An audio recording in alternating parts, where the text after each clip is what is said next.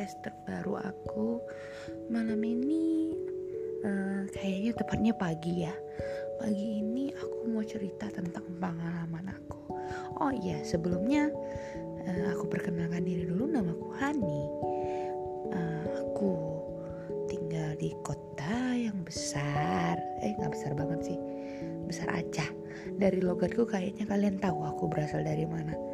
Nah Hari ini aku mau cerita dibully. Jadi waktu aku dibully itu ceritanya dari kelas SD kelas 6. Uh, eh, jadi di situ uh, mohon maaf nih perawakanku kan lagi gede banget gitu kan. Besar tinggi hitam jelek. Di situ aku sering dibully. Masalahnya bulinya bukan lagi perempuan. Laki-laki. Jadi aku suka dibuat nangis suka direbut mainannya. Jadi di situ untuk ngimbanginnya gimana ya? Aku minta request sama orang tua untuk beli barang-barang yang aku pingin. Contohnya yang lagi hits di zamannya itu apa? Oh ya kalau kalian yang hidup di zaman 1999 1991 lahirnya itu uh, waktu-waktu SD itu ada tuh permainan Digimon. Nah dulu kan yang di sekolah aku di Al Azhar itu lagi hobi Digimon tuh. Jadi uh, kami semua main Digimon dan aku wajib beli. Karena untuk apa? Untuk mengimbangi supaya jadi populer supaya tidak dibully lagi. Oke waktu SD tidak dibully lagi. Tiba ke SMP ya aku balik dibully lagi. Lebih parah kalau seandainya SD itu ya aku dibulinya dengan kata-kata masih untuk nah kalau SMP SMP lebih parah karena badanku juga makin besar jadi mereka kira aku samsak. Jadi aku sering dipukuli dipukuli sampai biru. Sampai orang tua juga heran kenapa badannya biru? Tapi aku tutup tutupin tutup tutupin halo yang dengar yang yang selalu ngobrolin ai salam pasti tahu deh. Nah habis itu um, sampai akhirnya aku eh, SMP itu hampir tiga tahun tuh dipukulin terus dibully. Nangis terus karena laki-laki yang mukulin bukan perempuan. Dan akhirnya waktu SMP kelas 3 naik ke SMA itu minder minder minder banget. Kayak aduh gimana ya? Namanya orang habis-habis dibully ya pasti ya minder lah rasa nggak bagus nggak percaya diri dan lain-lain. Jadi aku akhirnya masuk SMA dan di titik di mana aku bangkit ya waktu SMA itu. Jadi waktu SMA itu aku ikut salah satu organisasi PMR di situlah aku berbaur. Udah habis berbaur jadilah satu kelompok angkatan yang benar-benar backup. Dan ada juga nih teman-teman teman-teman aku yang uh, ada nih kami tujuh orang. Itu juga jadi salah satu support system pribadi aku. Thanks God. Abis itu lama kelamaan ya waktu aku mulai kelas 3 mau kuliah itu minder lagi karena kan memang teman-teman aku rata-rata masuk negeri semuanya. Eh akunya swasta. Tapi e, lama kelamaan ya aku bangkit lagi. Toh nggak ada gunanya juga kalau minder. Dan sekarang alhamdulillah sudah bekerja.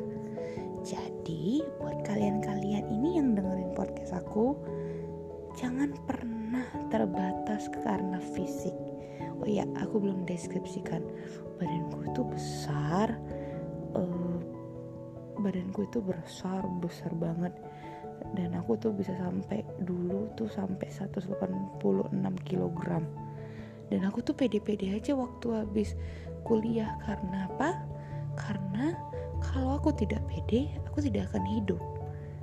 Kuncinya satu, pede. Pengalaman itu adalah guru yang terbaik. Oke, Sampai jumpa.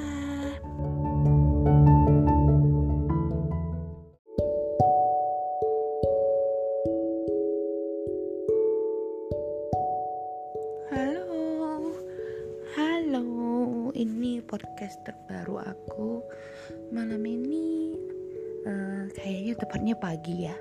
Pagi ini aku mau cerita tentang pengalaman aku. Oh iya, sebelumnya uh, aku perkenalkan diri dulu nama aku Hani. Uh, aku tinggal di kota yang besar. Eh nggak besar banget sih. Besar aja dari logatku kayaknya kalian tahu aku berasal dari mana. Nah Hari ini aku mau cerita tentang pengalaman waktu aku dibully. Jadi waktu aku dibully itu ceritanya dari kelas SD kelas 6. Uh, eh, jadi di situ uh, mohon maaf nih perawakanku kan lagi gede banget gitu kan. Besar tinggi hitam jelek. Di situ aku sering dibully. Masalahnya bulinya bukan lagi perempuan laki-laki. Jadi aku suka dibuat nangis suka direbut mainannya. Jadi di situ untuk ngimbanginnya gimana ya? Aku minta request sama orang tua untuk beli barang-barang yang aku pingin. Contohnya yang lagi hits di zamannya itu apa? Oh ya kalau kalian yang hidup di zaman 1999 1991 lahirnya itu uh, waktu-waktu SD itu ada tuh permainan Digimon. Nah dulu kan yang di sekolah aku di Al Azhar itu lagi hobi Digimon tuh. Jadi uh, kami semua main Digimon. Dan aku wajib beli. Karena untuk apa? Untuk mengimbangi supaya jadi populer supaya tidak dibully lagi. Oke waktu SD tidak dibully lagi. Tiba ke SMP ya aku balik dibully lagi. Lebih parah kalau seandainya SD itu ya aku dibulinya dengan kata-kata masih untuk nah kalau SMP SMP lebih parah. Karena badanku juga makin besar jadi mereka kira aku samsak. Jadi aku sering dipukuli. Dipukuli sampai biru. Sampai orang tua juga heran kenapa badannya biru? Tapi aku tutup tutupin tutup tutupin halo yang dengar yang yang selalu ngobrolin ai salam pasti tahu deh. Nah habis itu um, sampai akhirnya aku eh, SMP itu hampir tiga tahun tuh dipukulin terus dibully. Nangis terus karena laki-laki yang mukulin bukan perempuan. Dan akhirnya waktu SMP kelas 3 naik ke SMA itu minder minder minder banget. Kayak uh, aduh gimana ya? Namanya orang habis-habis dibully ya pasti ya minder lah rasa nggak bagus nggak percaya diri dan lain-lain. Jadi aku akhirnya masuk SMA dan di titik di mana aku bangkit ya waktu SMA itu. Jadi waktu SMA itu aku ikut salah satu organisasi PMR di situlah aku berbaur. Udah habis berbaur jadilah hmm, satu kelompok angkatan yang benar-benar backup. Dan ada juga nih teman-teman teman-teman aku yang uh, ada nih kami tujuh orang. Itu juga jadi salah satu support system pribadi aku. Thanks God. Abis itu lama kelamaan ya waktu aku mulai kelas 3 mau kuliah itu minder lagi karena kan memang teman-teman aku rata-rata masuk negeri semuanya. Eh akunya swasta. Tapi e, lama kelamaan ya aku bangkit lagi. Toh nggak ada gunanya juga kalau minder. Dan sekarang alhamdulillah sudah bekerja. Jadi buat kalian-kalian ini yang dengerin podcast aku jangan pernah terbatas karena fisik oh ya aku belum deskripsikan badanku itu besar uh, badanku itu besar besar banget dan aku tuh bisa sampai dulu tuh sampai 186 kg dan aku tuh pede-pede aja waktu habis kuliah karena apa karena kalau aku tidak pede, aku tidak akan hidup. Kuncinya satu, pede. Pengalaman itu adalah guru yang terbaik. Oke, Sampai jumpa.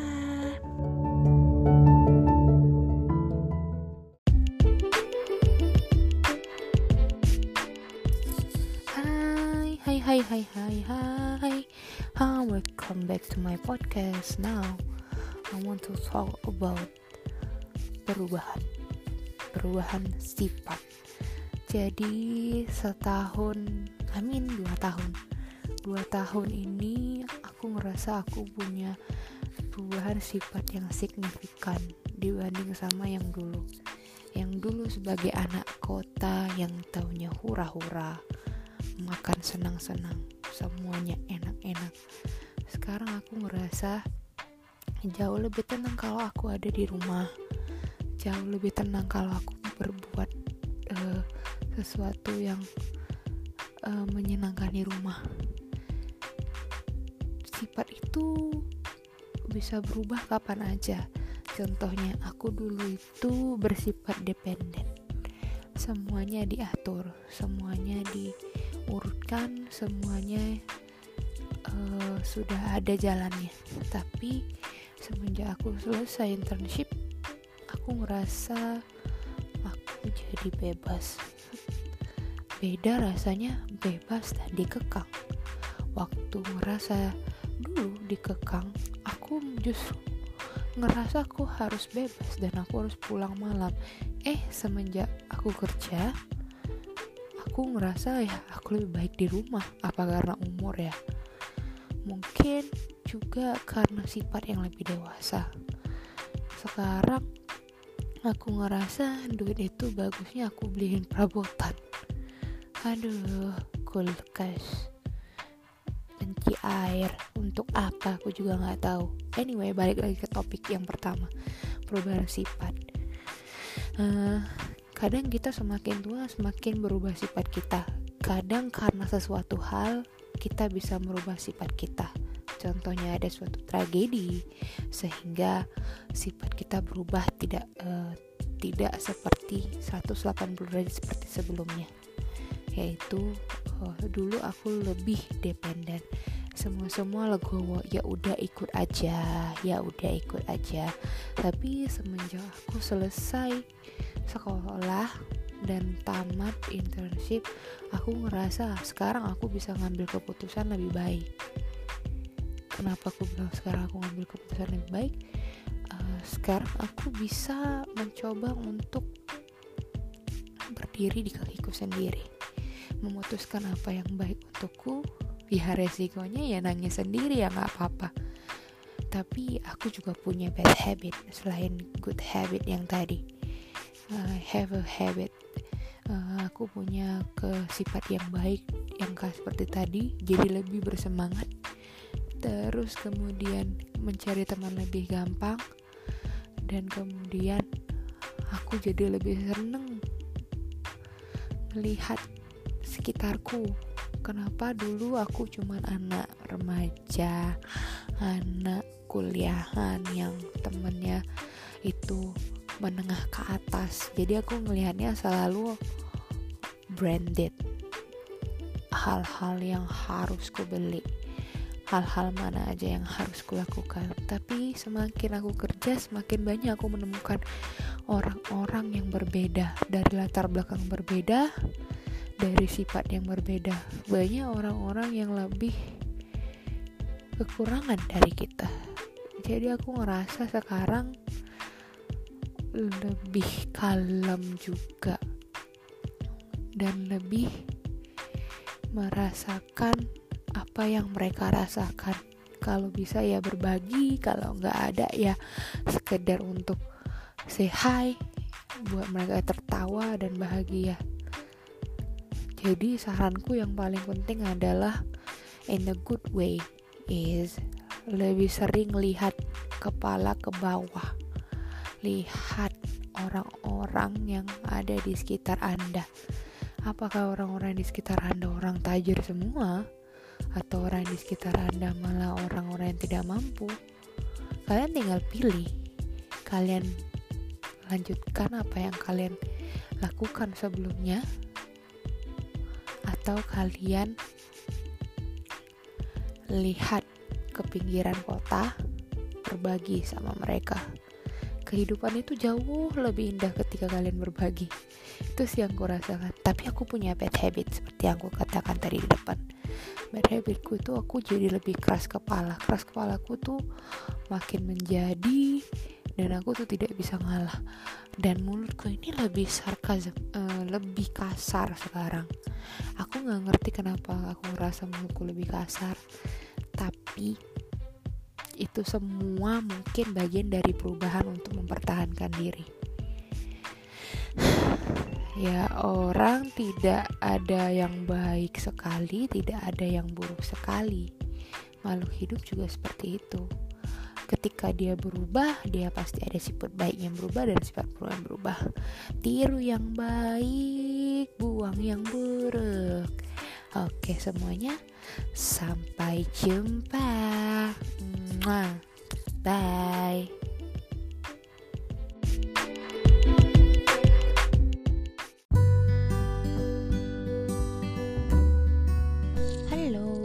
satu lagi nih mau cerita tentang penting nggak pentingnya orang tua untuk menuntun anaknya sampai dewasa.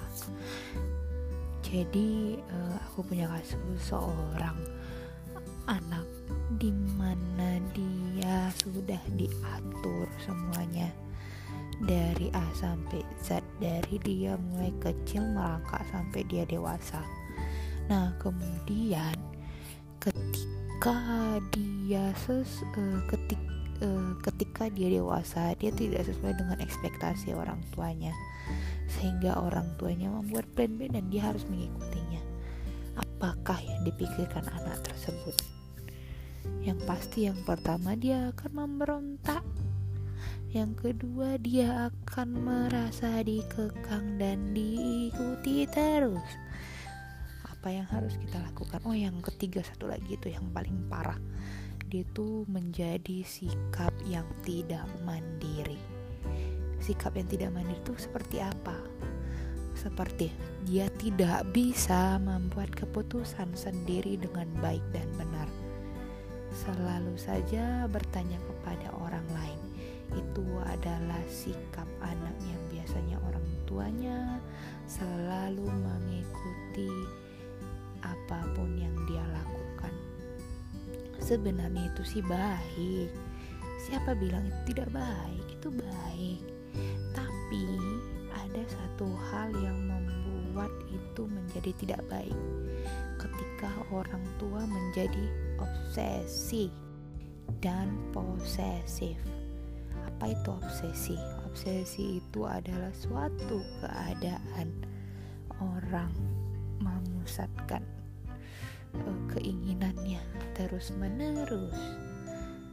Nah seperti orang tuanya kamu harus jadi anak yang bisa menjadi pilot. Kamu akan menjadi anak yang uh, baik. Kamu sekolahnya di sini kamu sekolahnya di sana. Dulu mama pinginnya kamu sekolah di sini kamu sekolah di sini aja enak ya papa merasa kamu harus kuliah di sini. Itu salah satu yang namanya obsesi karena sebelumnya mungkin aja nih orang tuanya nggak bisa di situ. Alhamdulillah rezekinya di anaknya jadi anaknya harus masuk ke situ juga. Nah satu lagi protektif. Protektif itu adalah suatu keadaan di mana dia mengekang mengunci anaknya dengan baik dan benar ya kalau zaman sekarang milenial sekarang sih kalau untuk terlalu protektif seperti mengatur uh, semuanya nggak apa-apa nggak boleh apa-apa ke mana-mana nggak boleh cukup di rumah dia main tidur makan ke sekolah itu bukan hal yang baik. Karena sekarang zaman milenial halo orang tua halo orang tua panggilan terhadap orang tua kita sebagai orang tua zaman sekarang harus ngikutin zaman. Uh kalian bayangkan kalau kalian masih berpikiran seperti dulu. Kalau seandainya contoh nih uh, anak-anak uh, hari minggu tuh hari minggu uh, disuruh uh, bersih-bersih sampai sebersih-bersihnya terus gadget jangan dipegang terus uh, tidak boleh memakai barang-barang elektronik. Waduh bu pak. Gini nih. Milenial zaman milenial itu jika kita bisa memanfaatkannya kita bisa jadi cerdas pak bu. Nah kalau misalnya kita tidak bisa memanfaatkannya itulah yang buat jadi jahat. Yang paling kita harus lakukan adalah yang pertama mengawasi mengawasi dan memberitahu. Siapa bilang nggak boleh main gadget? Siapa bilang? Boleh tapi mohon nih jangan. Gara-gara gadget anak-anak terpaku sama gadget sehingga tidak berinteraksi sama orang tua. Aduh itu yang paling gawat. Anak-anak boleh melihat kartun dari gadget. Anak-anak boleh nonton TV, anak-anak boleh main PlayStation sesuai dengan umurnya. Tapi jangan lupa interaksi orang tua, itu yang paling wajib. Kalau kalian tidak interaksi, apa yang mau kalian lakukan? Si anak lambat berbicara, si anak pun tidak mengerti orang tua, tidak ada bonding. Bonding itu mean uh, kedekatan, kerekatan klopnya orang tua dengan anak. Jadilah anaknya sering salah persepsi tentang orang tua, apalagi orang tuanya yang sifatnya adalah protektif, tidak bisa ini itu tanpa ada alasan. Jadi kalau memang kalian mau berbuat sesuatu, bilang sama anak alasannya apa. Jangan diam-diam baik. Anak nggak akan ngerti Kalian kira anak itu seperti kita yang sudah dewasa? Oh mungkin saja. Sementara sekarang aja orang dewasa ngerasa kayak anak-anak nggak ngerti cakap orang, ya kan? Ya kan netizen? Oke balik lagi. Jadi eh, kesimpulan dari cakap-cakap sampah ini adalah ketika kalian punya anak, kalian cuma bisa menuntun. Menuntun itu berarti mengekang, apalagi menatur. Menuntun itu ketika dia salah, kalian balikan ke arah yang benar. Ketika dia benar, kalian ikutin dia. Itu kan namanya menuntun. Ketika dia diam, kalian ajak bicara. Ketika dia terlalu banyak bicara, biarkan dia bicara Namanya juga anak-anak, bertingkah lakulah yang baik, tapi jangan lupa ajari sopan santun. Dan yang paling penting, sekarang yang paling banyak kasus adalah anak-anak di bawah umur di apa-apain sama orang-orang yang tidak bertanggung jawab. Jadi, jangan lupa buat orang-orang tua milenial, mohon berikan edukasi seksual sedini mungkin. Bukan berarti kalian harus kasih tahu ini kondom ini itu ini itu ini itu. Bukan. Yang paling dasar adalah hai ini loh bagian privat kamu kamu jadi gak boleh ini loh bagian privat kamu jadi kamu tidak boleh uh, dipegang oleh orang lain, tidak boleh dimasukkan oleh orang lain. Ketika kamu dipegang bagian privat kamu, kamu harus lapor sama ayah, sama ibu, sama bunda, sama mama, pokoknya semua yang kayak gitu. Itu yang paling penting, edukasi. Yang kedua adalah psikomotorik anak. Bagian punya anak, kecil perhatikan perhatikan kalau dia lambatnya bicara jangan salahkan anaknya. Bisa jadi mamanya yang kesibukan atau perawatnya atau penjaganya sehingga tidak aja anak main tidak aja anak bercakap. Kemudian anak jalan. Semangatin dia. Kehidupan ini harus penuh semangat Oke semuanya everybody I love you so much. Sampai di sini dulu ocehan aku. Terima kasih. Mwah.